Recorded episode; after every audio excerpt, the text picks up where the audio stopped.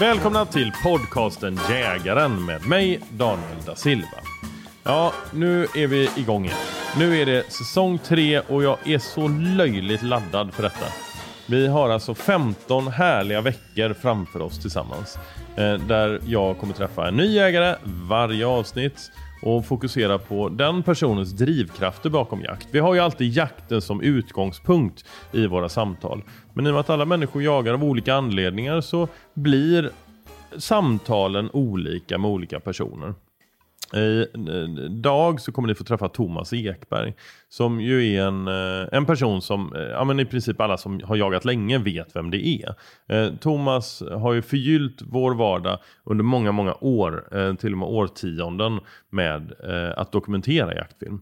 Men Thomas har väldigt mycket nytt på gång också. Det är mycket som händer just nu så vi har extremt mycket att prata om. Under säsongen så kommer ni att få träffa en massa olika människor. Ett par eller några avsnitt är faktiskt redan inspelade. Eh, och sen har jag några riktigt intressanta personer på listan som jag ska intervjua under hösten. Så jag ser så mycket fram emot den här säsongen eh, och jag kan faktiskt utlova att det kommer bli en grym säsong eh, med spännande gäster.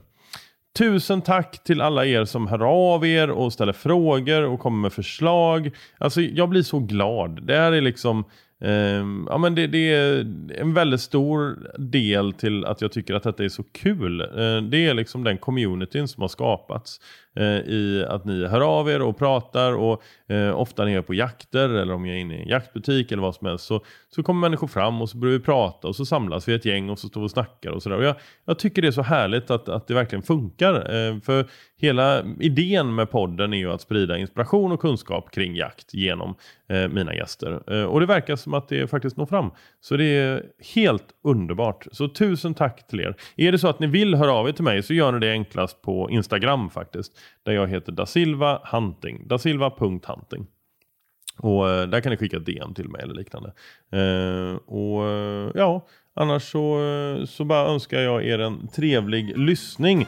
Eh, och så kör vi igång med, eh, med Thomas Ekberg helt enkelt. Men innan vi gör det, så precis som vanligt så har jag glädjen att ha eh, Chevalier med mig eh, den här säsongen också som huvudsponsor för podden. Eh, så vi börjar med att lyssna på ett inslag med poddens huvudsponsor Chevalier.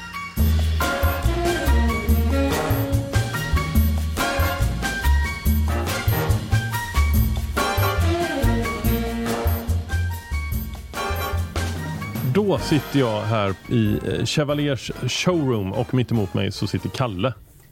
Hallå! Hej! Hej! Eh, du, du jobbar med produkt och design och ansvarar för de tekniska delarna och har utvecklat jaktställen eh, bland annat. Och jag tänkte att vi skulle prata lite grann om det idag. Lite så här overall-känsla på de jaktställen som finns ute nu. För ni har ju släppt ganska många nya jaktställen, eller hur? ja, precis. Mm. Ehm, vi har ju försökt att jobba igenom en ny, ett nytt koncept i hela höstkollektionen nu. Mm. Där vi har försökt att utveckla ställ för alla jaktområden.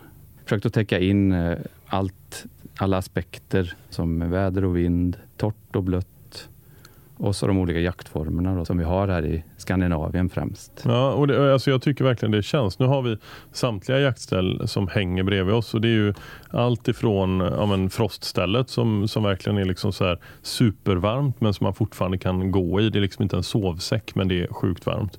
Eh, till eh, renodlade skaljackor liksom. alltså, och, och lodenställ och, och eh, vissa har signalfärg och vissa har det inte. Och så där. Det, det är verkligen, verkligen brett eh, känns det som.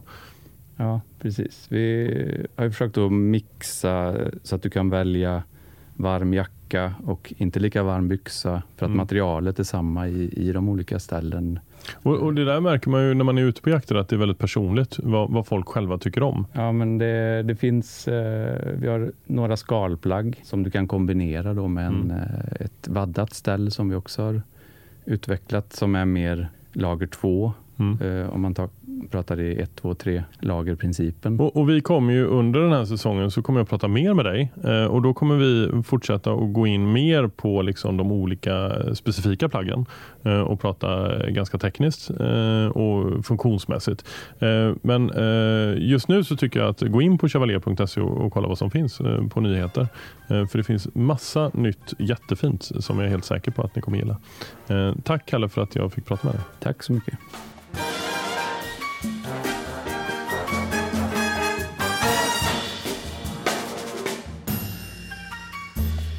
Ja, då sitter jag här eh, och mitt emot mig så sitter Thomas Ekberg. Välkommen till podden Jägaren, Thomas. Tack så mycket. Tack så mycket. Mår du bra? Ja, det tycker jag. Vi ska ju prata massa saker tänkte jag. Eh, och, eh, du är en person som jag tror man kan göra det med, för du har hållit på ganska länge.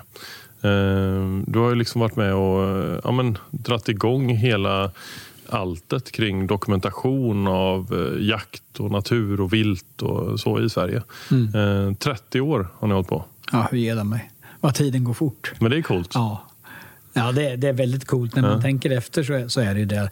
Eh, det är liksom aldrig någonting man går och funderar på men om man tänker efter så länge eh, vi har hållit på och, och, hur det började och liksom vilka grejer man använde då och hur, hur man gör idag. Ja. Vilken skillnad. Om vi backar bandet superlångt tillbaka, eh, alltså innan de här 30 åren, för då började ni dokumentera jakt. Men mm. när, när började du själv jaga?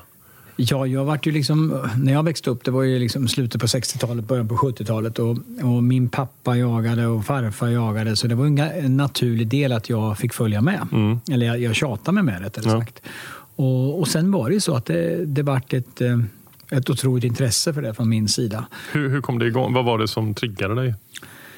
Jag tror hela paketet naturupplevelser, atmosfär, dofter, eh, hundar, djur. Eh, jag tror allt. Mm. Det, det, fanns nog med i modersmjölken på något sätt. Mm. Eh, och sen ska jag väl säga att det var en tid när det, det, kanske, det fanns inte så mycket annat. Det var, för mig var det idrotten och, och jakten. Mm. Och det fanns liksom inga smartphones och tv-spel. Och, utan det var ju hem med läxböckerna, kasta dem i, i pojkrummet, ut på gatan och spela landhockey. Ja. Och sen gå och längta till det var lördag och söndag. Mm. Och vad, vad var det för typ av jakt som eh, din familj höll på med?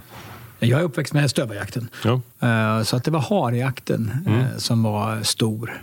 Både farfar och pappa hade stövare. Mm. Så då satte man igång och följde med ut. Och, och, och, det konstiga är att man fortfarande då är intresserad. För jag kan ju säga att det var ju väldigt många gånger det inte hände så mycket. Ja. Så var det Det var ju varma septembermorgnar, dåligt med slag i backen och, och det hände inte så mycket. Men mm. de minnen man har på, på de harar sen som, som min pappa sköt, och då, mm. de har man ju lika starkt i minnet idag som vad man gjorde förra veckan. Så det, det kommer alltid att sitta i. Och sen liksom det här med O'boyen med sig ut, eller choklad och mackor och eh, just det här. Det var ju, ja, det var ju julafton. Och, och, någonstans är det ju det man vill ge sina egna barn nu också. Uh, och jag vet att du jagar med, med Elvira, då, din dotter. Mm.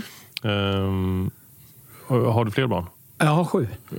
Har du sju barn? ja. Är det sant? Ja, ja det är sant. Aha, okay. Jag har sju barn och eh, tre av sju jagar. Och det är ju ganska Vad roligt. Ja. ja. Nej, men det, alltså, det, det, är ju en bra, det är ett bra sätt att få uh, barn som gillar jakt att skaffa många barn. Ja, så ja. är det säkert någon som gillar då. Precis. Ja, men sju är ju, är ju häftigt. Ja, det är mycket. Vad är det för åldersspann på dem? Uh, vi ska se här. Jag har ju två kullar. Då. Jag har ju två äldre pojkar sedan tidigare. Då. Och de är 24 och 22 om jag inte tar fel på ålder här nu. Jag får be om ursäkt ifall ni hör det här nu pojkar. Men jag tror de är det. Uh, sen har jag en spann från 10 upp till 18 på fem stycken, ganska ja. tätt där. Eh, 18, vad blir det? Vi kan börja bakifrån. 18, 16, 14, 13 och 10 va? Okay. Ja. Jag har ju sagt det innan, jag är ingen journalist i grund och botten. Men researchen är ju bedrövlig när jag missar sex barn, känner jag.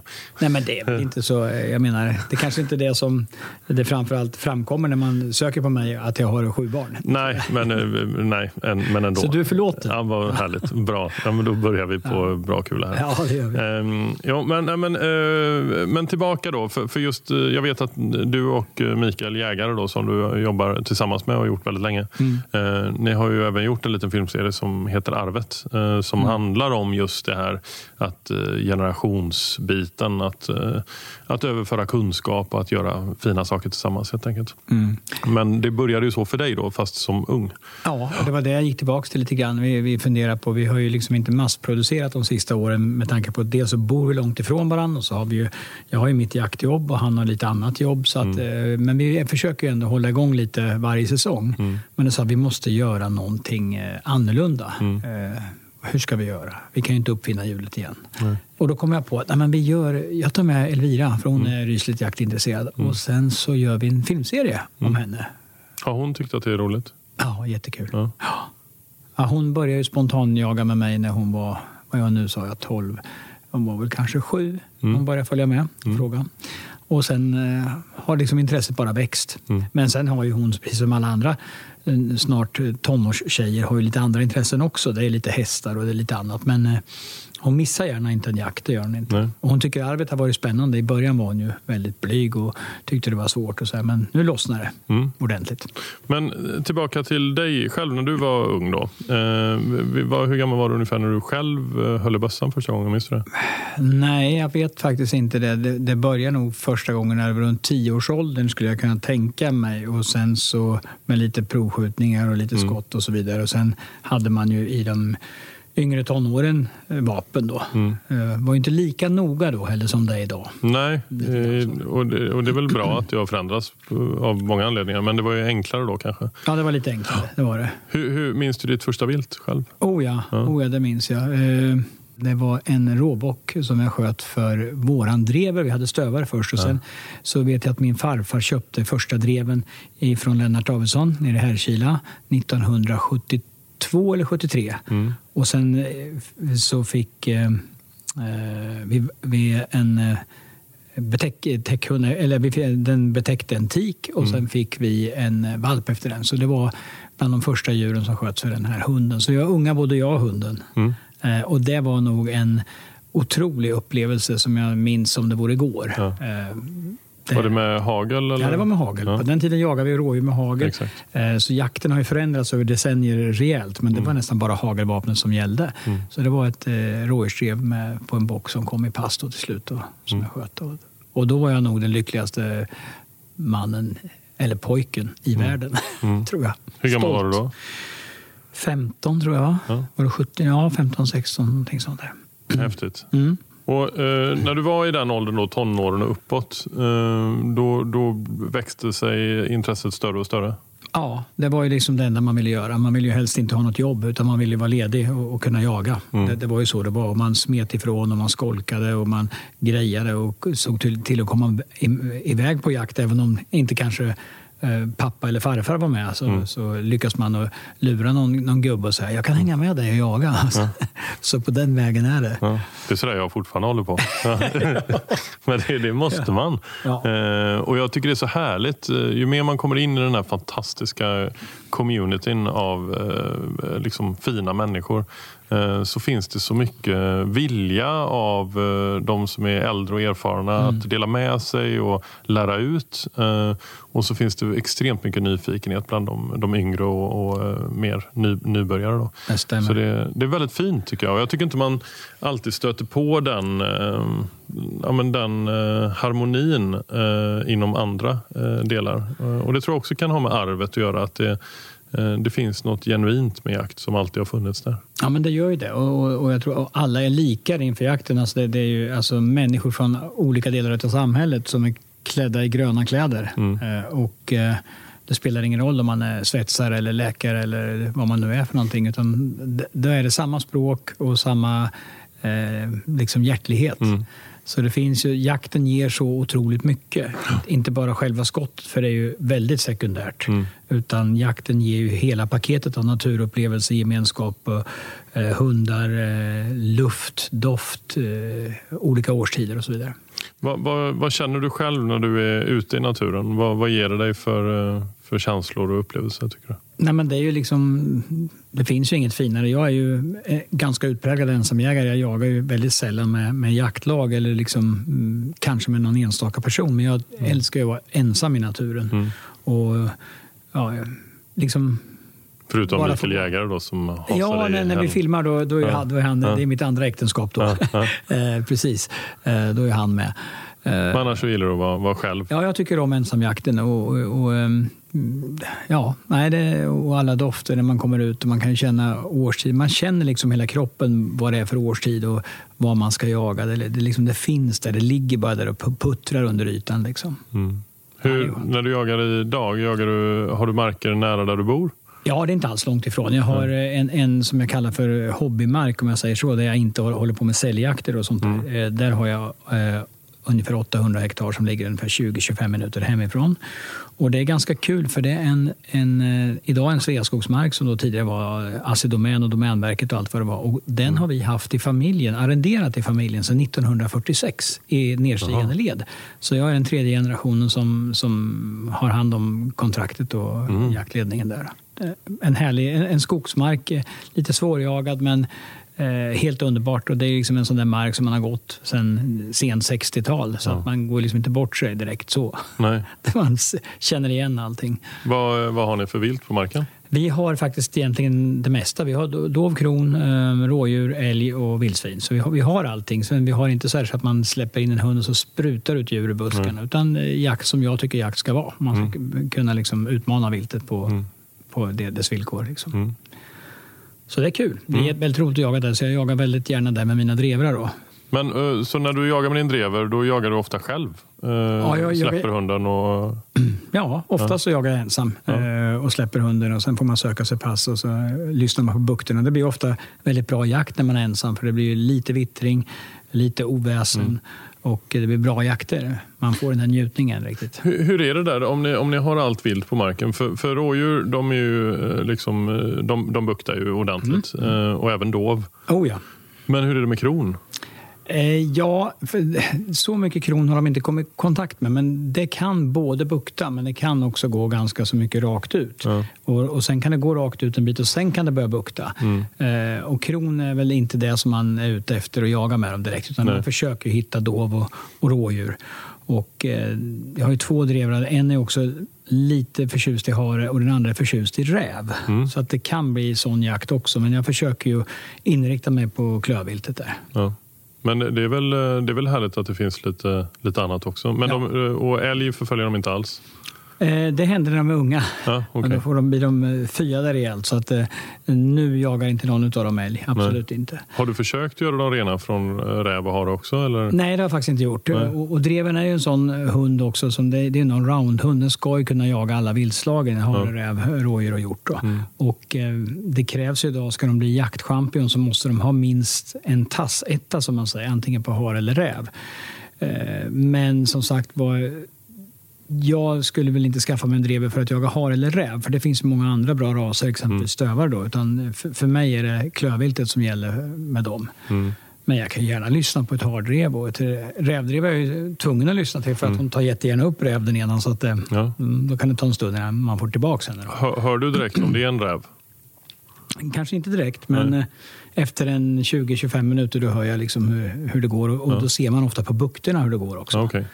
Eh, det går, det går, inte lika trångt om det inte är en liten, liten ungräv, men annars så brukar det kunna gå så, iväg en bra bit och så svänger det och sen går det som i stora fyrkanter okay. många gånger. Ja. Så då, då, vet jag, då är det dags att försöka och, och koppla henne. Då. Ja.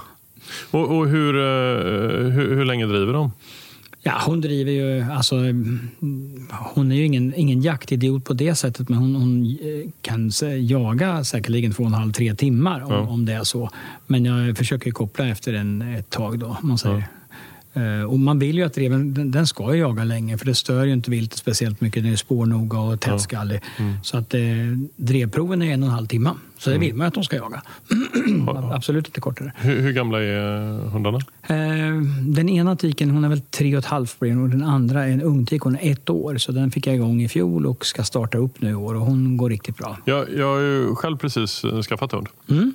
Eh, en jaktspringare. Okay. Ehm, och eh, har möjlighet att jaga i Skåne. Eh, och har, varit ute efter en, stötande fågelhund. Mm. Så det, det, ska bli jättekul. Men nu har jag, det, det här är min första jakthund. Och första året som är jätteviktigt såklart. Och Mm. väldigt spännande och kommer säkert vara tidskrävande. Och, men framförallt väldigt, väldigt roligt. Eh, så det, det är en häftig tid framåt nu. Eh, hur har det varit första året för dig med din yng, unghund? Eh, nej, men det har varit mycket. Jag, jag började ju ganska tidigt med mina hundar. Ja. Vad, är, vad är det tidigt för dig? Ja, alltså jag gör dem skogsvana redan vid 4-5 månaders ålder. Då tar jag med dem ut och sen får de liksom bestämma lite själva när de vill sätta igång. Mm. Nu var ju hon väldigt tidig som satte igång och jagade eh, faktiskt direkt. Jag har aldrig varit med om det. Och, Mhm. eh, körde en stund och drev lite baklänges och lite framlänges och lite hittan och dittan. Och Mm. Sen eh, körde jag med henne lite grann, men, men tre dagar i veckan ungefär. Men du skjuter ingenting för henne i den? Ja, hade det varit så att det var bra drev. Jo, jag sköt faktiskt eh, sen när hon var Ja, vad kan ha varit nio månader? Då sköt Ja. jag första rådjuret för henne. Ja. Och då hade de drivit så pass bra så då tyckte jag då, då kunde vi göra det. Eh, Hur reagerar hon då? Ja, det är nog, eh, hon brydde sig faktiskt inte det minsta om utan när hon kom fram till rådjuret så la hon sig bredvid rådjuret och sen så pustade hon ut. Okej. Då var det roliga slut. Ja. Det är så det är.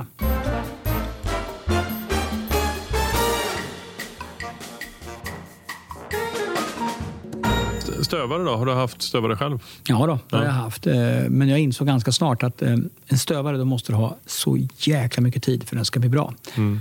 Så jag hade en finstövare, så den sålde jag. Jag har haft lite olika hundar och framförallt så har jag haft mycket jämthundar. Jag hade mycket älghundar i många, många år. Men sen eh, så har ju älgstammen gått så rejält neråt och, Ja. och, och sen har jag inte varit så där jätteintresserad av vildsvinsjakten. Och eh, när det inte finns någon älg och, så är det ganska mycket jobb att kunna jaga in en älghund. Så att just nu så är det paus på det faktiskt. Mm. Så får vi se om det kommer någon jämte lite längre fram. Det vet man ju aldrig. När det kommer till jaktfilm eh, så... eh, Ja, men bara jag sitter och pratar med dig så blir jag så här lugn i kroppen när jag hör din röst. eh, och jag tror att det gäller lyssnarna också. Ja. För din röst har ju liksom hängt med en i väldigt många år. Mm. Och ja, men så här fina... Jag tycker alltid den typen av filmer ni har gjort, Diana Stigar, framförallt refererat till då. Det finns ju ett... Ja, men det finns en... Eh, en så lugn svensk känsla på det. Eh, det är väldigt så här...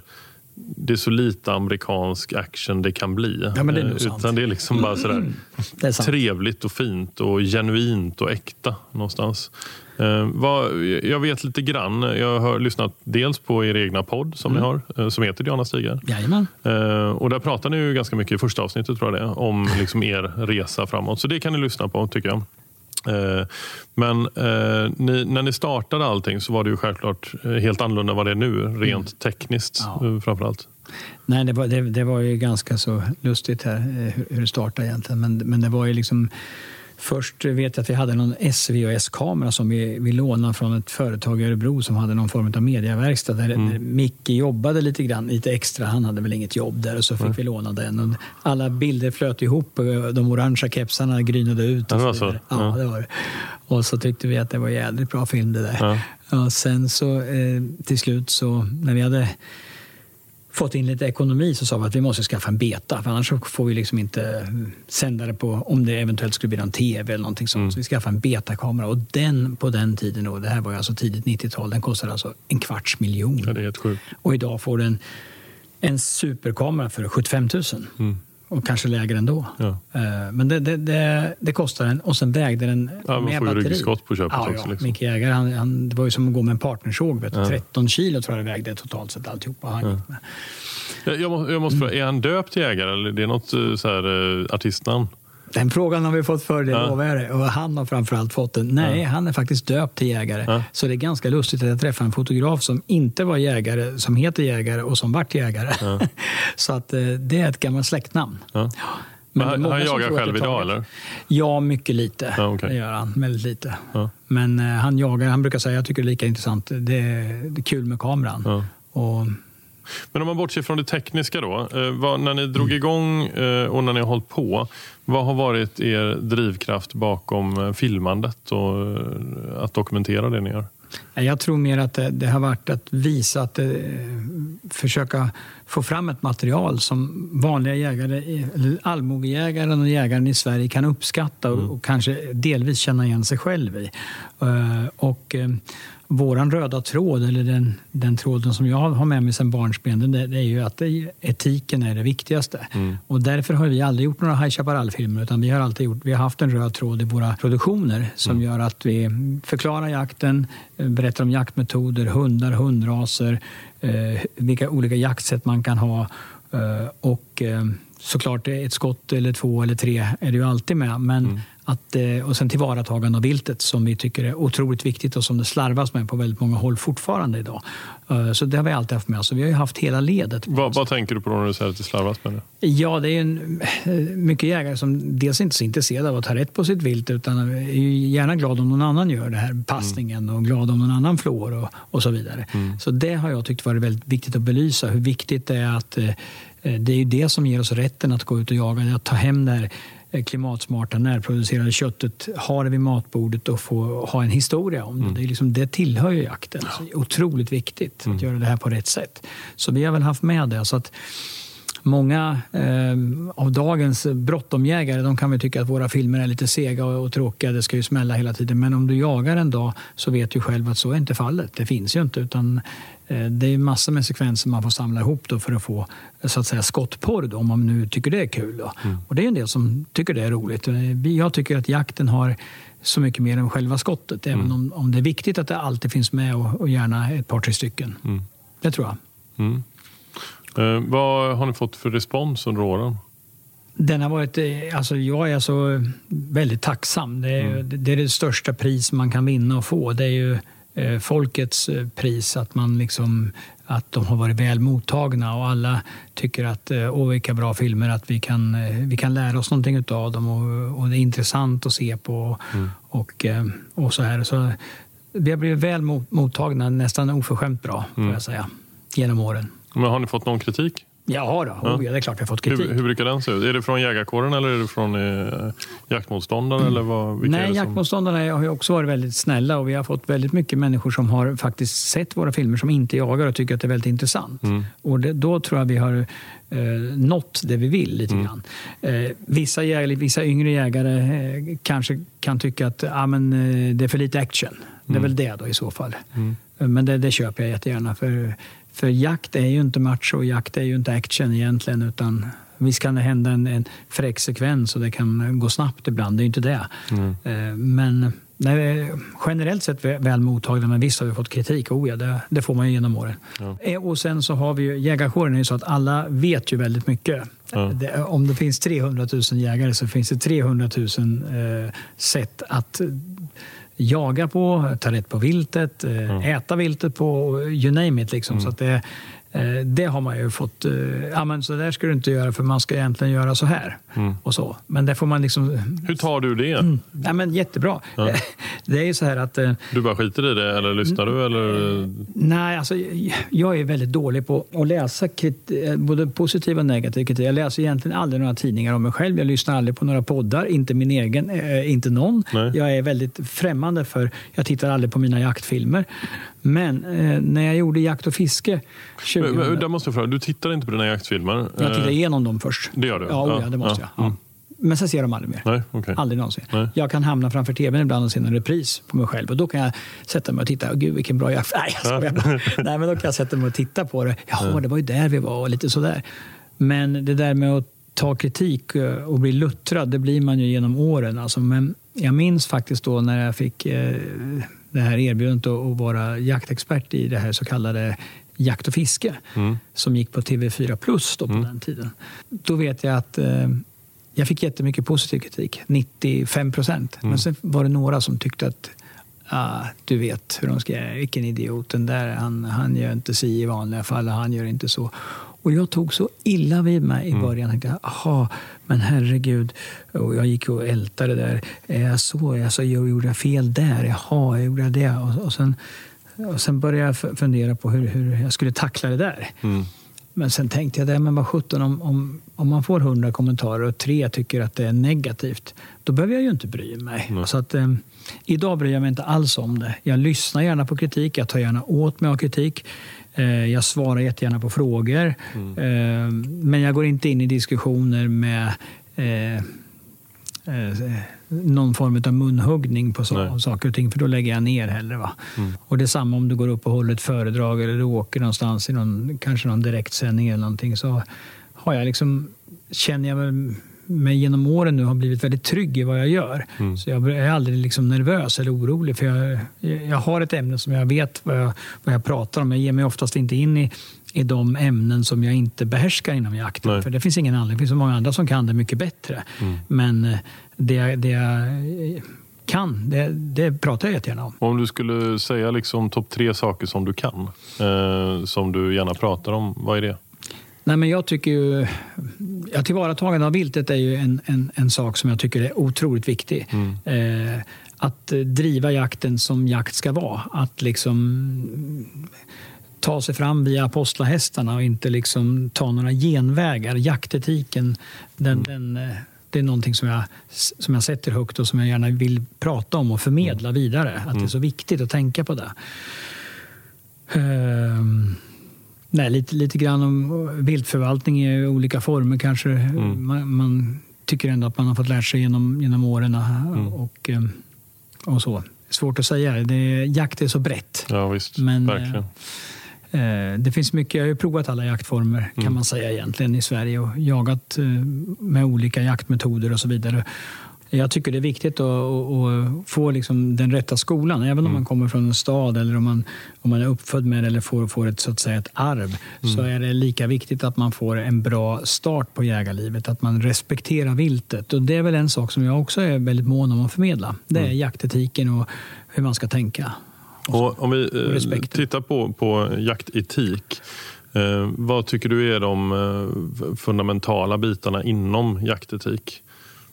Eh, jag tycker väl att, det, att, man, att man ska jaga som, som, eh, som man, dels som man lär och vad man har, har lärt. Att man, eh, ska man jaga då parkerar man sin bil och sen går man dit mm. man ska. Man använder inte GPSen i onödan för att genskjuta vilt. Man eh, tänker på säkerheten framför allt. Den är mm. otroligt viktig såklart. Den, den ingår ju liksom i jaktens ja. labyrinter. Men alla de här tekniska hjälpmedlen som har kommit med åren, mm. och det är så kul, för man har ju varit med i så många decennier och sett jaktens utveckling. Ja. Och på gott och ont. Ska ja, sägas. Det okay. finns ju både det som är bra och det som är dåligt. Ja. Eh, och, och, och, just det här, använd inte tekniska hjälpmedel när man jagar utan utmana viltet så nära du kan komma viltets villkor det bara går. Det tycker jag är jakt för mig. Ja. Och så försöker jag göra och jag försöker lära ut det. Och jag har säkert gjort något misstag någon gång. Det har väl självfallet hänt, mm. givetvis. Men jag tror det är viktigt att ha det i åtanke. Jag skulle inte vara nöjd om jag sköt ett vilt på ett sätt som inte jag har fått kämpa för. Nej. Lite så känner jag mm. när jag jagar. Och jag tror att det här med att man har fått sett, när jag växte upp då var det så att man hade ett hundkoppel, en hagelbössa, eh, eh det, var inga komradio, inga mm. GPS, inga pilar, ingenting. Och så mm. jagade man och så trodde man att man hörde hunden ibland. Mm. Eh, man gjorde ett inspår i såten och ett utspår för att hunden skulle gå tillbaka. Ja, den var inte där på eftermiddagen, det var ju tråkigt. Men då la man ut sin Helly Hansen och eh, sen åkte man dit på morgonen. Då låg hunden där. Då lärde sig hundarna gå tillbaka. Idag har man lite bråttom med jakten. Man ska hem för att det är middag och man har främmande och, och jag kan tyvärr bara jaga till klockan 11 och sådana saker. Och då anser jag nästan att då är det ingen idé att gå ut och jaga. Utan har man tider att passa då ska man inte jaga för man vet aldrig vad som händer en jaktdag. Nej. Men just det här med GPS och, och sådana här saker. Då hade man just det, karta och kompass. Mm. Det var vad jag fick lära mig. Ta ut en kompassriktning, lära sig karta och kompass. Är det några jägare idag som kan karta och kompass? Nej, tyvärr. Tråkigt, för det tycker jag är det viktigaste av alltihopa. Mm. Tänk dig själv när eh, den pejl man nu använder bara stannar. Mm. Ja, då vet du inte var du är. Eh, så att det finns... Eh, väldigt mycket som har förändrats, en del på gott och en del på ont. Jag tycker det är skitbra med GPSen mm. om den används rätt. Ifall det händer hunden någonting, den går ner in, under något vattendrag eller stor väg i närheten eller rovdjuren som är ganska påtagliga idag på väldigt många håll. Då mm. ska man använda GPSen. Mm. Annars så låter jag, jag tittar aldrig på den, jag låter hunden jaga och jag lyssnar, försöker lyssna mig fram. Då. Mm. Eh, och det tror jag väldigt många tänker som jag eh, mm. faktiskt. Men vi har ju eh, just det här med att få bort den här stämpeln att det är macho att jaga. Mm. Den försöker jag ju tvätta hela tiden. För det mm. finns ingenting eh, som är macho med jakt. Utan det är, det, är ett, det är ett kulturarv som vi har möjlighet att få ta del av helt enkelt. Tycker jag. Mm. faktiskt. Det här avsnittet är även sponsrat av Swarovski Optik, vilket jag är superglad för. Jag verkligen gillar Swarovski. Jag gillar deras produkter och jag gillar varumärket. Jag gillar det de står för. Eh, det, för mig så är Swarovski det är kvalitet. De skulle aldrig någonsin tumma på kvalitet, eh, vilket man också märker på deras produkter. Men de står också för ett modernt nytänk eh, när det kommer till eh, digitala funktioner som de kombinerar då med eh, liksom världens bästa optik, vilket jag tycker är fantastiskt. Och idag så tänkte jag prata lite grann om handkikarens roll. Eh, det är ju många som faktiskt inte har en handkikare eller som väljer på vissa jaktformer att inte ta med sig handkikaren. Eh, för mig så är det liksom min bästa kompis när jag är ute och jagar. Eh, är jag på pyrschjakt så är den helt ovärderlig. Eh, både för att spana av men också hitta avstånd till, till vilt när jag väl hittar en grupp med dov eller en en bock som är skymd långt in i skogen och liknande. Men även då på jaktformer som till exempel drevjakt. Jag vet att väldigt många lämnar handkikan hemma. Eh, vilket jag absolut inte gör. Utan det första jag gör när jag kliver upp i ett torn. Det är att jag tar upp min handkikare med avståndsmätare. Eh, och så hittar jag olika referenspunkter runt omkring mig. Eh, och skannar av området. Var någonstans är det lämpligt att skjuta? Var någonstans är det inte lämpligt att skjuta? Och så försöker jag hitta referenspunkter så att när viltet väl kommer fram, om det nu gör det. Då eh, vet jag eh, hur långt det är till viltet. Hur hur marken ser ut bakom eh, och, och liknande. Så det gör att jag känner mig väldigt trygg. Jag själv känner mig trygg och säker i skogen när jag själv har en handkikare. Och jag känner mig ännu tryggare och säkrare när andra runt omkring mig har en handkikare med sig. Eh, så tack Swarovski Optik eh, för att ni är med och stöttar podden. Det gör mig jätteglad. Innan vi går in, jag vill gå gärna in på, på eh, detaljer om, mm. om eh, upplevelser du har haft såklart. Men om vi bara eh, tar en eh, tillbakakoppling till det här med jaktetik. Mm. Eh, för när du jagar i andra länder så finns det ju, eh, många säger att man får ta seden dit man kommer. Ja. Vilket jag förstår och kan känna själv. Men någonstans kan man säga att det finns etiken och så finns det juridiken. Eh, och I Sverige så hänger ju de ganska mycket ihop, tycker mm. jag i alla fall. Eh, min eh, liksom moraliska och etiska kompass är ju ganska sprungen ur det juridiska, om man säger så. Och När jag kommer till ett annat land så kan det faktiskt vara så att de har vanor som vi inte har här kring olika typer av hjälpmedel eller hur man allt ifrån hur de behandlar viltet eller vad det nu kan vara. Mm. Uh, och där kan jag ju känna, där jag, varit, jag har inte varit utomlands så mycket, men, men jag kan känna att uh, där skulle jag nog inte bara liksom ta seden dit man kommer för att det går emot min etiska kompass. Uh, hur, hur, känner du kring det? Ja, men du sa det precis. Det, tyvärr så är det så att det finns en hel del jägare jag säger inte att det är alla eller jättemånga, men det finns en del jägare som åker utomlands för att slippa Eh, moralen att nu åker jag hit och här säger de att jag ska skjuta på allt, då gör jag det och mm. det har jag betalt för.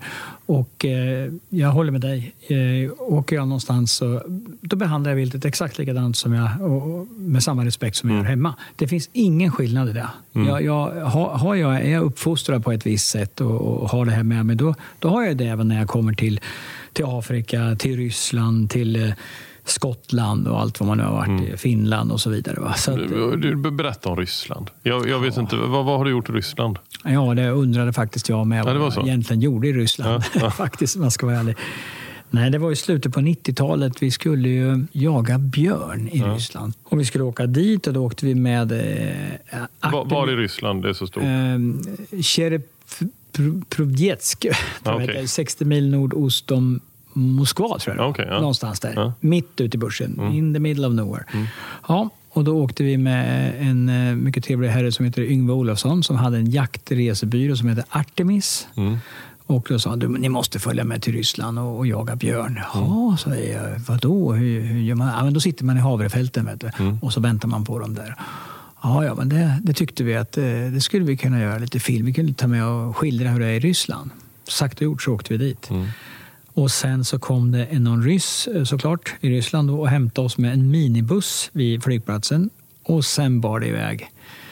Mm. I, alltså vägar som du inte trodde fanns. Mm. Och jag vet inte, jag tror det tog 12-13 timmar den där minibussen. Och han var vaken hela tiden och jag var livrädd. Jag kunde inte sova någonting för jag Nej. visste inte om den där chauffören skulle somna eller om han var nykter eller full. Det hade man ingen aning om. Nej. Men efter en skakig lång färd så, så kom vi fram till en jaktstuga mitt i skogen. Mm. Jättefin timrad jaktstuga. Och där togs det emot av sju, åtta kockar och mm. kallskänker och allt. Jag tänkte, det är, detta är ju helt fantastiskt. Och, och, stora fina rum och nedanför rann en liten å. Och så fanns det en liten vedbastu. Så jag tänkte, här blir det Och god mat förstår de serverade. Mm. Det var grönsaker, det var skinka, ost, det var allt. Det var helt, helt sjukt var. Ja. Och sen i alla fall så gick ju dagarna. Vi skulle jaga björn och det hände väl inte speciellt mycket. Eh, vi gick ut vid de här havrefälten på kvällen och då hade de gjort i ordning något torn, så hårsitt som man skulle sitta högt mm. i. Och jag och Micke skulle sitta i samma och det var ju så gängligt. Alltså det var ju byggt på rundvirke av något slag. Mm. Och där satt vi havrefält där havren var ungefär en dess hög. Mm. Det var liksom, fanns ju ingenting. Mitt ute i landsbygden. Och där satt vi och det hände ju absolut ingenting. Men det slutade med att den här resan var ju bara mindre och mindre bekväm. Mm. Nästa dag då hade två kockar tröttnat och åkt hem. Mm. Det började vara dåligt med mat på bordet eh, och efter några, någon, ytterligare någon dag då var det bara en kock kvar och det fanns ingenting att äta i princip utan lite bröd och lite smör och skarpsill och lite grejer och, mm. och sprit förstås, det fanns det ju alltid. Och jag tror avslutningsvis så försvann jaktledaren. Han eh, eh, syntes ligga och sova i en dubbelslav, väldigt berusad och eh, drack upp eh, det sista portvinet som de hade med sig. Det, eh, så han var helt radarstyrd, om man får säga så på ren svenska. Och helt plötsligt så försvann karn. Så det fanns ingen kvar. Eh, där. Alltså det, var, helt fascinerande. Alltså. Och, det visade sig sen att han var borta från, han var ju chef för 14 miljoner hektar. Uh-huh. var han skogschef över, eller jaktchef. Då. Vad sa du, 14 miljoner 14 hektar? miljoner hektar, ja. Ja. Det var han. Så han ville bara följa med och ha lite kul. Ja. Så han var ju med några dagar så länge det passade. Och när portvinet var slut då försvann han. Och sen kom han inte tillbaks till eh, kontoret tror jag eh, förrän efter två veckor. Ingen visste var han var. Mm-hmm. Eh, ja, men, men ni fällde ingenting på det? Så? Nej, nej, nej. nej, nej. nej, oh, nej men det är ett minne som man aldrig glömmer. Alltså. Och ni var nu hyfsat hungriga när ni kom hem då. Men eh. han som körde er, var han kvar då? Nej, han var inte kvar, men Nej. det kom en ny och hämtade Aha, okay. oss. Han släppte bara av oss där. Eh, så att, och så, sen bodde vi då, så fanns det som en bygata mitt i, i, i det här, mitt ute på landet. Då. Mm. Det var tre, fyra, fem hus mm. och så fanns det en liten affär och i den fanns det två saker. Tandkräm och vodka. Mm. fanns det. Jo, nej, cigaretter också, ja. för det behövde man. Ja. Och på kvällarna då kom det såna här eh, ungdomar, 10-11 år, alltså fullständigt kanonfulla och rökte någon sån här Brezhnev-cigaretter och ville mhm. byta med oss. Och vi rökte ju på den tiden. Mm. Och, ja, det, var, det var en sån misär, så, så man förstår att eh, att delar av Ryssland hade det väldigt, väldigt svårt. Det, det, det, förstår jag alltså. Men ändå åkte ni tillbaka till Ryssland? Ändå så gjorde vi det. Mm. Då började vi, och det var, jag kommer inte ihåg vilket år det var, det får vi nog googla på. Mm. Mm. Men det, det, var ju när rovdjuren började göra intrång ganska så hårt i, i våra marker och det började bli mer rovdjur och det började bli ett problem. Och då hade vi ett projekt som vi kallar Projekt Rovvilt. Mm. Och då sa vi måste åka dit och ta reda på hur man jagar varg. Och, eh, för det kommer vi absolut säkert snart få göra i Sverige för mm. att det börjar komma in varg. Hur, hur man skulle bedriva lapptygsjakten och så vidare. Mm. För att, eh, för att jaga eh, exempelvis varg ja. så sätter man upp eh, lapptyg. Det är alltså ett, ett, ett, rep med massa lappar som hänger ner och det bromsar vargen. De, de lämnar inte området då. Va? Och sen åkte det en ryss på skidor och så hade han en stor rulle på ryggen och så lappade han det här området. Ja. Och i det här området så finns ju vargen. Och så ja. gick de och tryckte, försökte trycka ut vargen. Och vargen går inte ut igenom det då? Nej. Nej. Så in, innanför det området så står man då. Men eh, det här var, visade sig vara ungefär typ kam, samma katastrof som, eh, som björnjakten. Det var bara mm. att det var 30 grader kallt. Ah, okay. och, eh, mitt ute i bussen på ett annat ställe. Mm. Men lärde ni er någonting då? Ja, vi, vi lärde oss eh, faktiskt hur det kan bli när man inte tar tag i rovdjursproblematiken. Det lärde vi oss. Mm. Och, och, och, då sa vi när vi åkte hem, hoppas vi kan förmedla någonting av det här så vi inte får samma syn på viltet som de hade. Och vi sköt ingen varg och då tyckte ju ryssarna här från att det här var ju problematiskt för de tjänar ju lite pengar på att mm. vi skulle få skjuta någon varg också. Så då tog de sina gamla skotrar som var x antal hundra år kan jag tänka mig och luktade inte speciellt gott när de körde med den soppan de hade i. Mm. Och sen var det så att så fort de såg en varg, de här guiderna, så orkade de inte hålla på och lappa det. Då sköt de vargen från skoten helt mm. enkelt. Sen kom de hem med varg varenda dag i princip. Mm. Men vi eh, hade ju ingen möjlighet att ta del av det där. Och då fick mm. ju de här eh, jägarna jäkla massa skäll. Mm. För att de, vi var ju här som jaktgäster och vi skulle mm. jaga. Så då, då gav de sig iväg på skotrarna. Sen framåt eftermiddagen så kom de tillbaka. Framför oss på den här byvägen så slänger de fram en, en varg på vägen och säger att nu kan ni skjuta. Då hade de bundit ihop frambenen, bakbenen, satt en pinne i och gjort så här. Eh, så skjut nu. Nej, så vi, vi jobbar inte på det sättet. Mm. Eh, utan den där vargen får ni avliva. Ja, men det, det, det får ni göra. Eh, 500 dollar, så. Nej, jag kan, jag kan gärna avliva den som jag sa, men jag betalar inga 500 dollar för det. Mm. Eh, så vi krävde att de fick avliva den där vargen. För de tänkte då låsa in den här i en lada över natten för att sen då släppa lös den och sen skulle vi göra en film och sen är det lapptyg runt och sen skulle vi skjuta den där.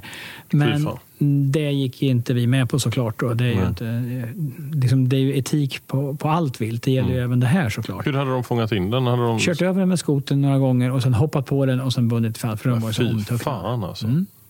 Och när, när de kommer den här vargen, då kommer alla bybor ut från olika hus mm. och sparkar på vargen och spottar på vargen. Så att de hade en syn på rovviltet som är fruktansvärd. Och, och, och jag tänkte ju då att jag hoppas aldrig att vi får den här synen på rovviltet. Uh, att, att man stämmer i bäcken från början, att man mm. förvaltar sin, rovviltstam, uh, sin rovdjursstam. Uh, vilket vi tyvärr inte gör. och risken är ju väldigt stor att, att vi får en, en sån här inställning och bild utav, utav rovdjuren. Det ska vi inte mm. ha. Så att, um...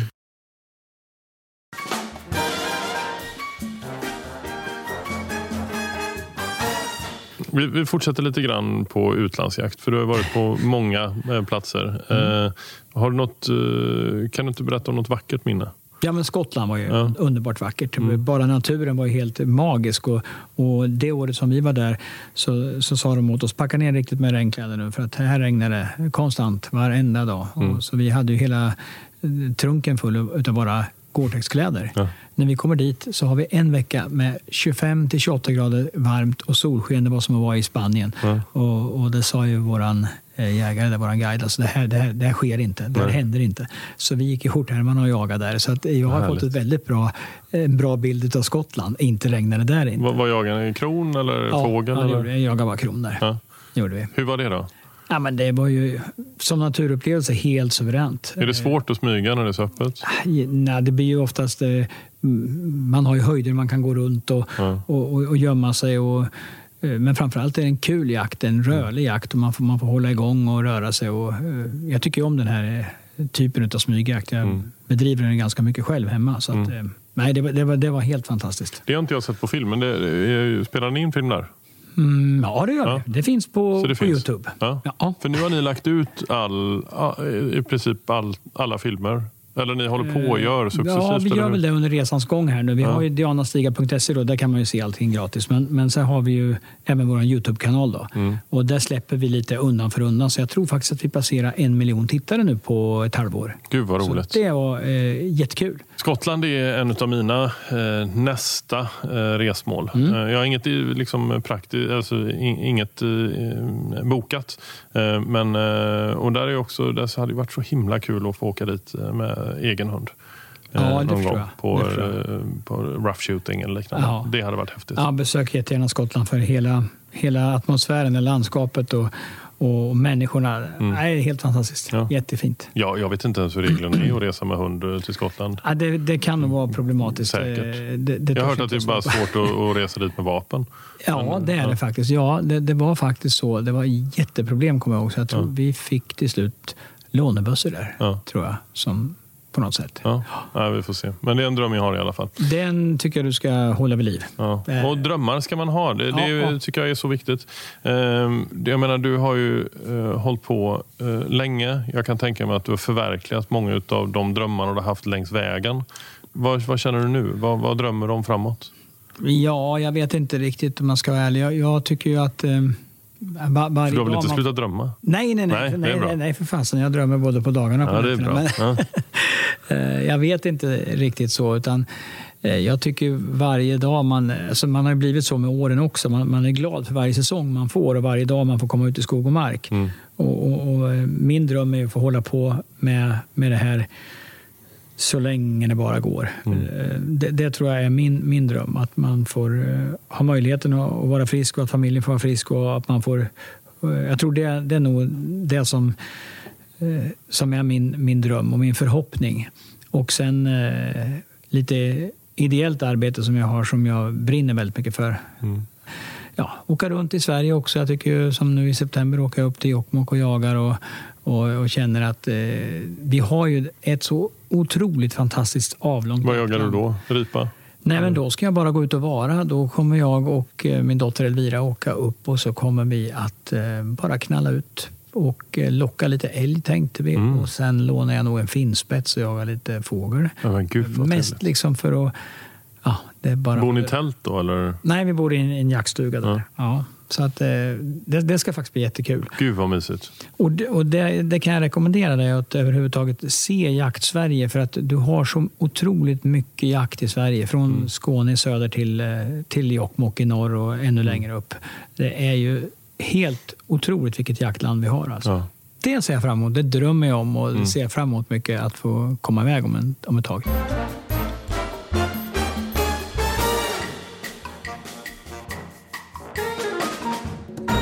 Men jag tänkte på det här med harjakt för dig. Mm. Eh, för det är ju någonstans det som du växte upp med då. Alltså mm. din första kontakt med, med jakt.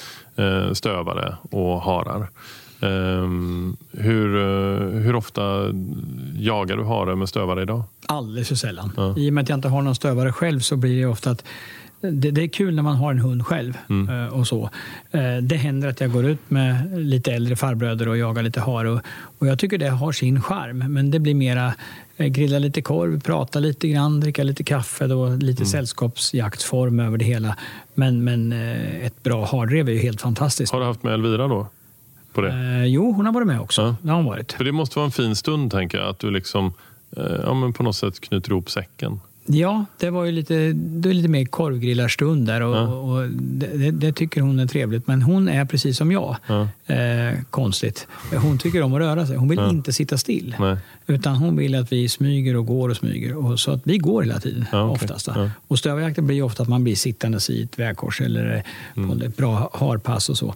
Men eh, vi var ju på harjakt här och jag hälsade på mina äldre söner som jobbar i Sala då, och eh, då hade de en gemensamhetsharjakt. Och det var faktiskt riktigt kul för det var stövare som var eh, flera stycken olika som man släppte lite på lite olika håll. Mm. Det var riktigt bra jakt. Mm.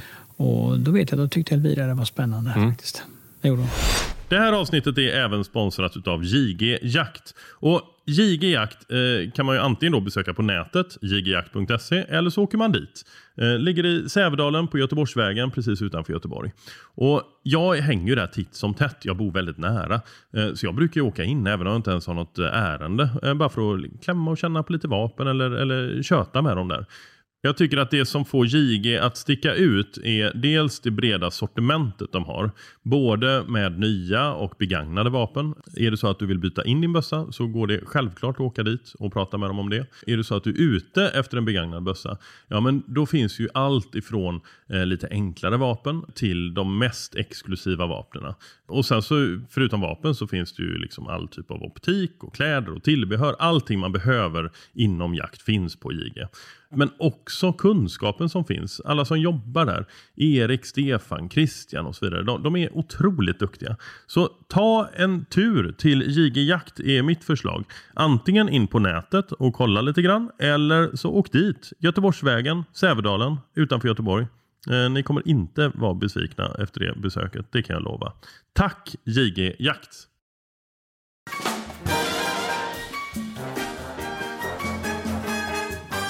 Ganska nyligen så har ju du startat föreningen Sveriges jägare. Det har stått eh, och, eh, ganska mycket om er det mm. senaste och mm. ni har redan idag eh, fått ihop ganska många medlemmar.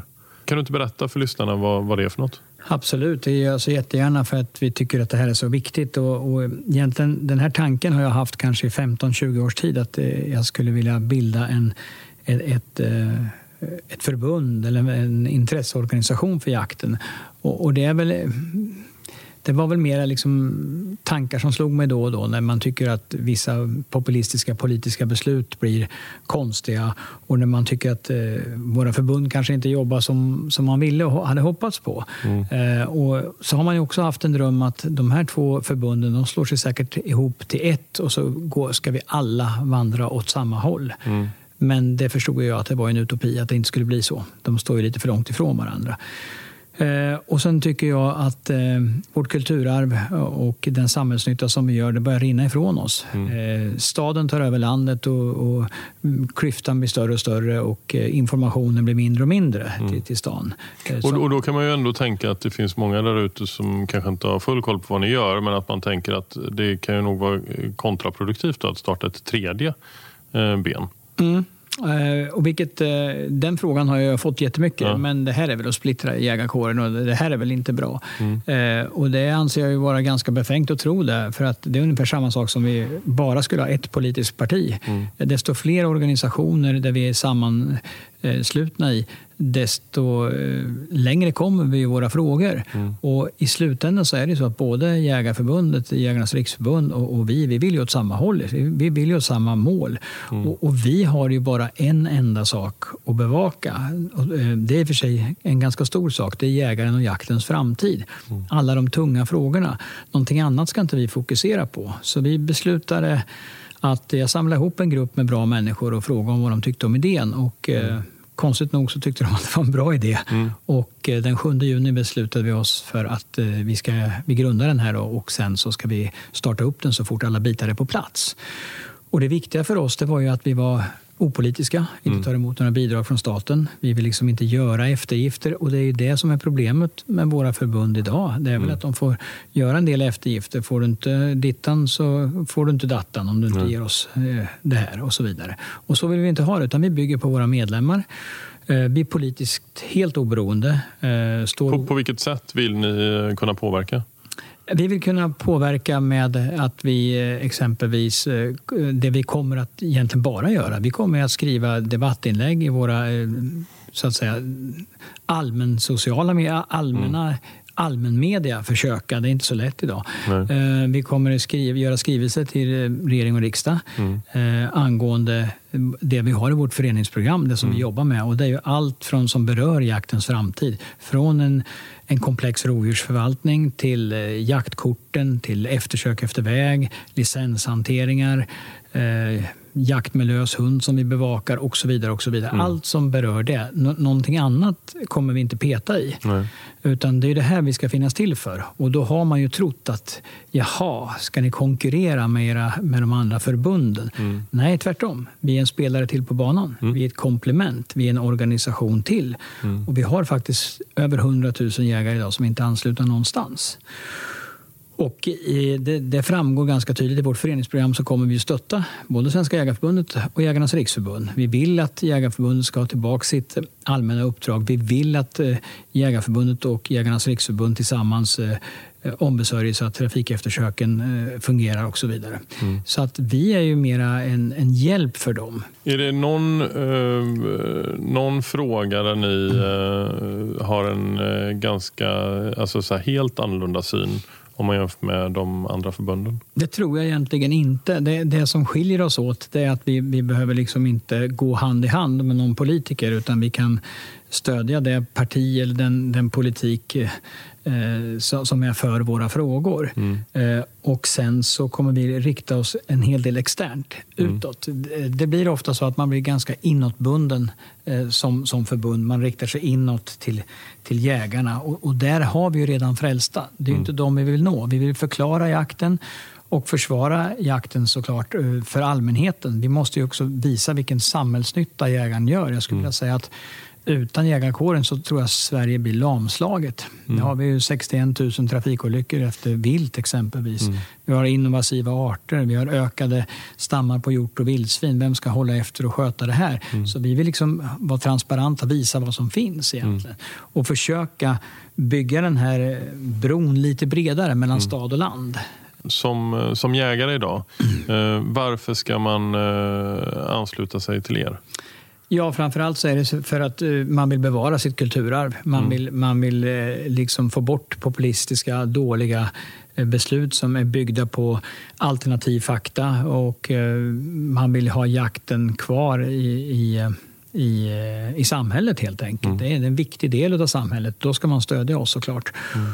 Och, vi har redan nu börjat med vår första skrivelse till regering och riksdag och där har vi bland annat, annat tagit upp att vi vill ha en viltmyndighet. Det finns ett riksdagsbeslut sedan åtta år tillbaka att vi ska ha det istället för Naturvårdsverket. Mm. Vilket gör att vi förhoppningsvis får kloka tjänstemän som kan frågorna och eh, som, som, som det ska kunna gagna jakten och viltet helt, mm. helt enkelt.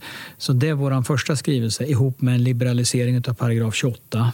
Paragraf 28 är ju då eh, varg? Mm. Eh, ja, rovdjur. Eller rovdjur. rovdjur. Ja. Ja. Nej, men idag så är det så här att du, du ska ju känna en trygghet. Kommer det in en varg i din trädgård så ska du inte behöva göra den här proceduren med varningsskott och skrämma den dittan och dattan. Utan du ska ju kunna eh, avliva det här djuret som kommer in och stör dig och, och din familj och dina djur. Mm. Eh, utan att du ska bli fråntagen dina vapen eller dina licenser. Och det ska, kunna, det ska, liksom inte, det ska man inte kunna bli förrän det att brott kan påvisas, att man mm. har begått ett brott. Och det är så att det har inte hänt så mycket i paragraf 28. Det är inga människor som förmodligen, i alla fall på väldigt länge, har blivit av med sina vapen. Men den här rädslan, den här känslan att du, att du är otrygg på landsbygden, att du inte får göra det här, mm. den ska bort. Det ska finnas en, en enklare liberalisering eh, på en sån här paragraf helt enkelt. Mm. Den är jätteviktig tycker jag. Mm. Även om, om eh, om det inte är någon som eh, sitter i fängelse för det idag, mm. så är det så att man måste kunna våga också. Det finns väldigt många människor som inte vågar, för man vet inte vad händer om jag gör det här nu. Nej. Och det, det är viktigt. Mm. Sen tänker vi titta på art och habitatdirektivet, eh, alltså EUs eh, art och habitatdirektiv som vi lyder under. Mm. Det, det, är ganska, det är en tol, ett tolkningsdirektiv. Du, du, du, måste ju tolka alla de här punkterna. Mm. Och Sverige har gjort som de alltid har gjort. De har varit bäst i klassen. De tolkar det här strikt. Mm. Vi har väldigt många punkter i det här art och habitatdirektivet som vi lätt och ledigt kan använda eh, om vi vill. Mm. Där finns det mycket att undersöka. Det, det som är otroligt viktigt och, och tryck, som jag gärna vill trycka på det är att vi, vi är alltså ing, inga Eh, inget förbund eller organisation kanske vi ska säga som motarbetar någon annan, utan tvärtom. Ja. Vi, vi, vi, är medarbetare. Det, det, det, måste jag säga. Jag eh, har varit inne och läst på lite grann och det mm. tycker jag är ganska tydligt och uppenbart både när du pratar om det och när man läser om det. Mm. Att ni, eh, ni vill någonstans och ni är väldigt öppna för samarbeten framåt. Att det är Absolut. det som kommer driva er. Liksom. Och, och, det är ju så här att eh, Eh, det var ju många som trodde att aha, ni startar det här för det är som turbulens i förbunden. Mm. Eh, och det gjorde vi definitivt inte. Så jag sa att vi är ju ingen missnöjesförening. Det handlar inte om det, utan det handlar om att nu ska vi lägga fokus på någonting. Mm. Och vi kommer inte bli, ha 150 000 medlemmar och vara lika stora som Svenska Jägareförbundet. Och det är väl inte vårt motto heller. Mm. Utan eh, däremot så, så ser vi att vi har ju organisationer på andra sidan så att säga. Vi har Svenska Rovdjursföreningen, de är inte många medlemmar egentligen. Och du har eh, Naturskyddsföreningen. Mm. Vi kommer ju vara kan man säga, en liten motpol på andra sidan. Vi kommer fylla en väldigt stor funktion. För vi, Vår röst behöver ju aldrig tystna, för vi har ju liksom inget, mm. inget mission politiskt på, på något sätt. Mm. Utan vi kommer att hela tiden finnas med våra debattinlägg. Vi kommer vara där med våra skrivelser. Och jag kommer göra så här, eller vår förening, rättare sagt vår styrelse som gör ett fantastiskt jobb ska sägas. Vi kommer att bjuda in, när vi har gjort klart vår skrivelse och vi är nöjda med den och den ska lämnas över, så kommer vi bjuda in eh, Jägarförbundet, vi kommer bjuda in Riksjägarna såklart, mm. LRF och eventuellt Skogsägarna.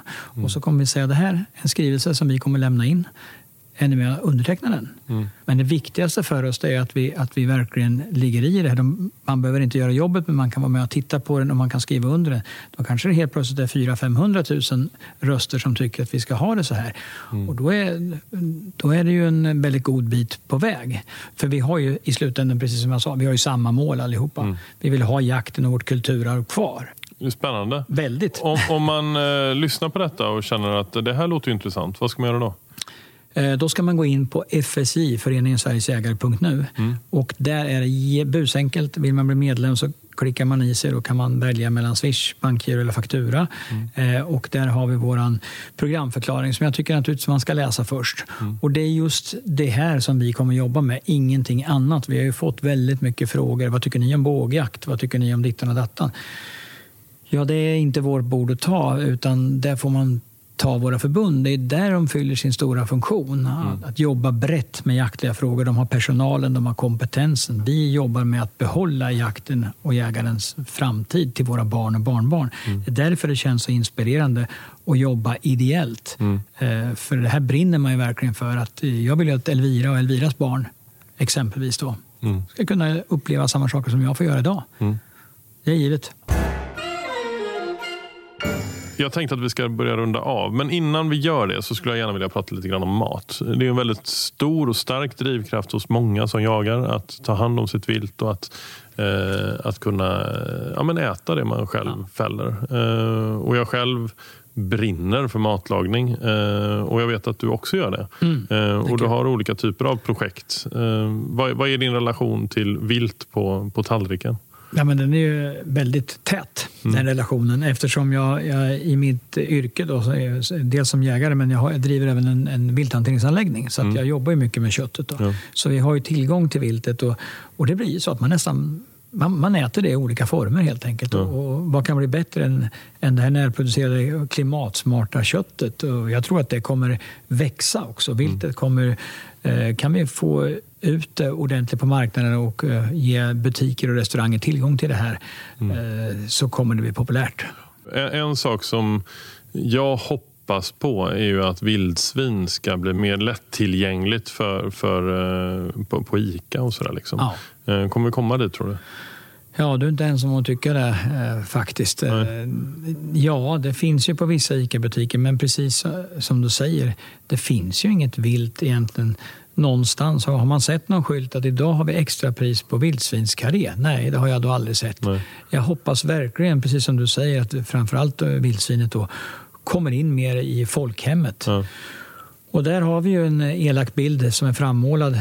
Där har ju media ett stort ansvar. Mm. Att man har eh, utmålat det här som ett skadevilt istället för en resurs som det ju verkligen är. Mm. Eh, förvisso gör djuret skada, men det, det är många djur som gör skada och man, där får man ju hålla efter det på ett, på ett annat sätt såklart. Men mm ja, jag hoppas verkligen att, eh, att det kan bli... Vi kommer jobba ganska hårt för det, både i föreningen Sveriges jägare och sen Eh, själv så försöker jag verkligen sälja vildsvin, grillådor och lite sånt där jag har kört med i sommar. Då. Ja, alltså det är så otroligt gott. Ja, ja visst, det, visst. det är ju helt uh, otroligt. Och, och, där är ju, ibland när man bjuder på vildsvin hemma uh, så är folk rädda för trikiner och ja. du vet allt ja. sånt där. Ja. Så det ligger så mycket kvar i det och jag tror att det går nog inte att få tag på något kött som är mer testat än just vildsvinskött. Nej, det är sant. Uh, jag har drivit vilthanteringsanläggning då i alla fall drygt 20 år och tagit in oerhört mycket vildsvin. Mm. Och än så länge har jag inte fått något eh, trikintest som har varit positivt. Nej. Eh, så att eh, det är ju väldigt sällan, men det är ju bara att testa. Det ska man ju göra. Ja, det kostar inte många kronor. Idag tror jag till och med att det Nej, nu är det gratis. För privatpersoner är det, gratis. Ja. Mm. Hur, hur, går man tillväga som jägare om man vill sälja eh, liksom vildsvin er? Ja, då, är, då är, så kommer man med vildsvinet i päls. Helt enkelt. Har man inte viltundersökarutbildningen som jag brukar skämtsamt säga att det är en veterinärkurs på sex timmar. Okay, ja. Eh, där man får lära sig lite grann om viltsjukdomar och framförallt hur organen ska se ut och om det är några förändringar på organen, yttre och inre undersökningar på vildsvinet. Var går man en sån utbildning? Det kan du göra hos mig. Ja. ja. Du kan bara höra av dig sen när vi slutar här så kan du ringa mig så ska vi fixa det. Ja, men det gör jag. Ja. Och det kan även lyssnarna då? Absolut. Fast du kanske inte vill ha liksom tusentals SS? Så många som det bara går. Ja. För att målsättningen är att utbilda alla jägare. Och eh, då är vi några stycken i Sverige som får det utexaminerade och det är ja. Jägarförbundet som, som har den här. Okay. Så marknadsföringen har nog varit lite si och så. Men ja. eh, jätteviktigt. För man, man, som sagt blir inte veterinär på sex timmar. Nej. Men man lär sig väldigt mycket om, framförallt får man en upp, återupprepning i hur man hanterar viltet efter skottet. Ja. Men framförallt så kan man så kan man lära sig om man ser några defekter på, mm. på både inre organ och även på, på de yttre undersökningarna. Och då finns det ett papper som man trycker ut från Livsmedelsverket där man fyller i när man har skjutit det och eh, om några förändringar har varit så nämner man det där. Men då mm. behöver man inte skicka med organen utan då, då räcker det att komma med kroppen eh, i skinn så att säga. Eh, vad, vad, betalar ni om jag kommer med 60 kilos vildsvin? Ja, jag, jag, tror att vi ligger strax under 4 kronor kilot plus eh, stoppavgift för eh, kadaverbilen som kommer på 800 kronor. Så det, det, det är ganska så mycket pengar i, i det här egentligen. Mm. Och vad, vad, får jag som jägare av er när ni köper kött av mig?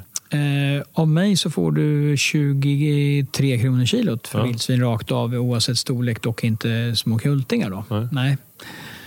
Så att... Eh, mm. Och då är, det, det är bra. Så, att, ja. när ni, så viltundersökarutbildning, det hoppas jag att eh, så många som möjligt bara kan ta. Ja. För det är jättebra. Det är nyttigt, kul och det spar pengar i alla håll också. För att runda av lite grann här. Eh, jag skulle börja med att tacka dig så mycket för, för den tiden du har eh, tagit här. Att prata med mig. Tack så mycket för att jag fick komma och prata med dig. Ja, det har varit jätte, ja. jättetrevligt. Mm. några sista ord från din sida till, till lyssnarna? Nej, jag tycker bara att eh, jag önskar dem skitjakt får jag väl säga. Va? Ja. Och eh, ett långt och lyckligt liv. Mm. Och så hoppas vi att, eh, att de får en friktionsfri och bra jaktsäsong. Ja. Och får vara friska och hela. Och tack alla ni som lyssnar på denna podd och delar och sprider podden. Det betyder otroligt mycket. Tack snälla för det. Och redan nästa vecka så kommer det ett nytt avsnitt med en härlig gäst här i podden Jägaren.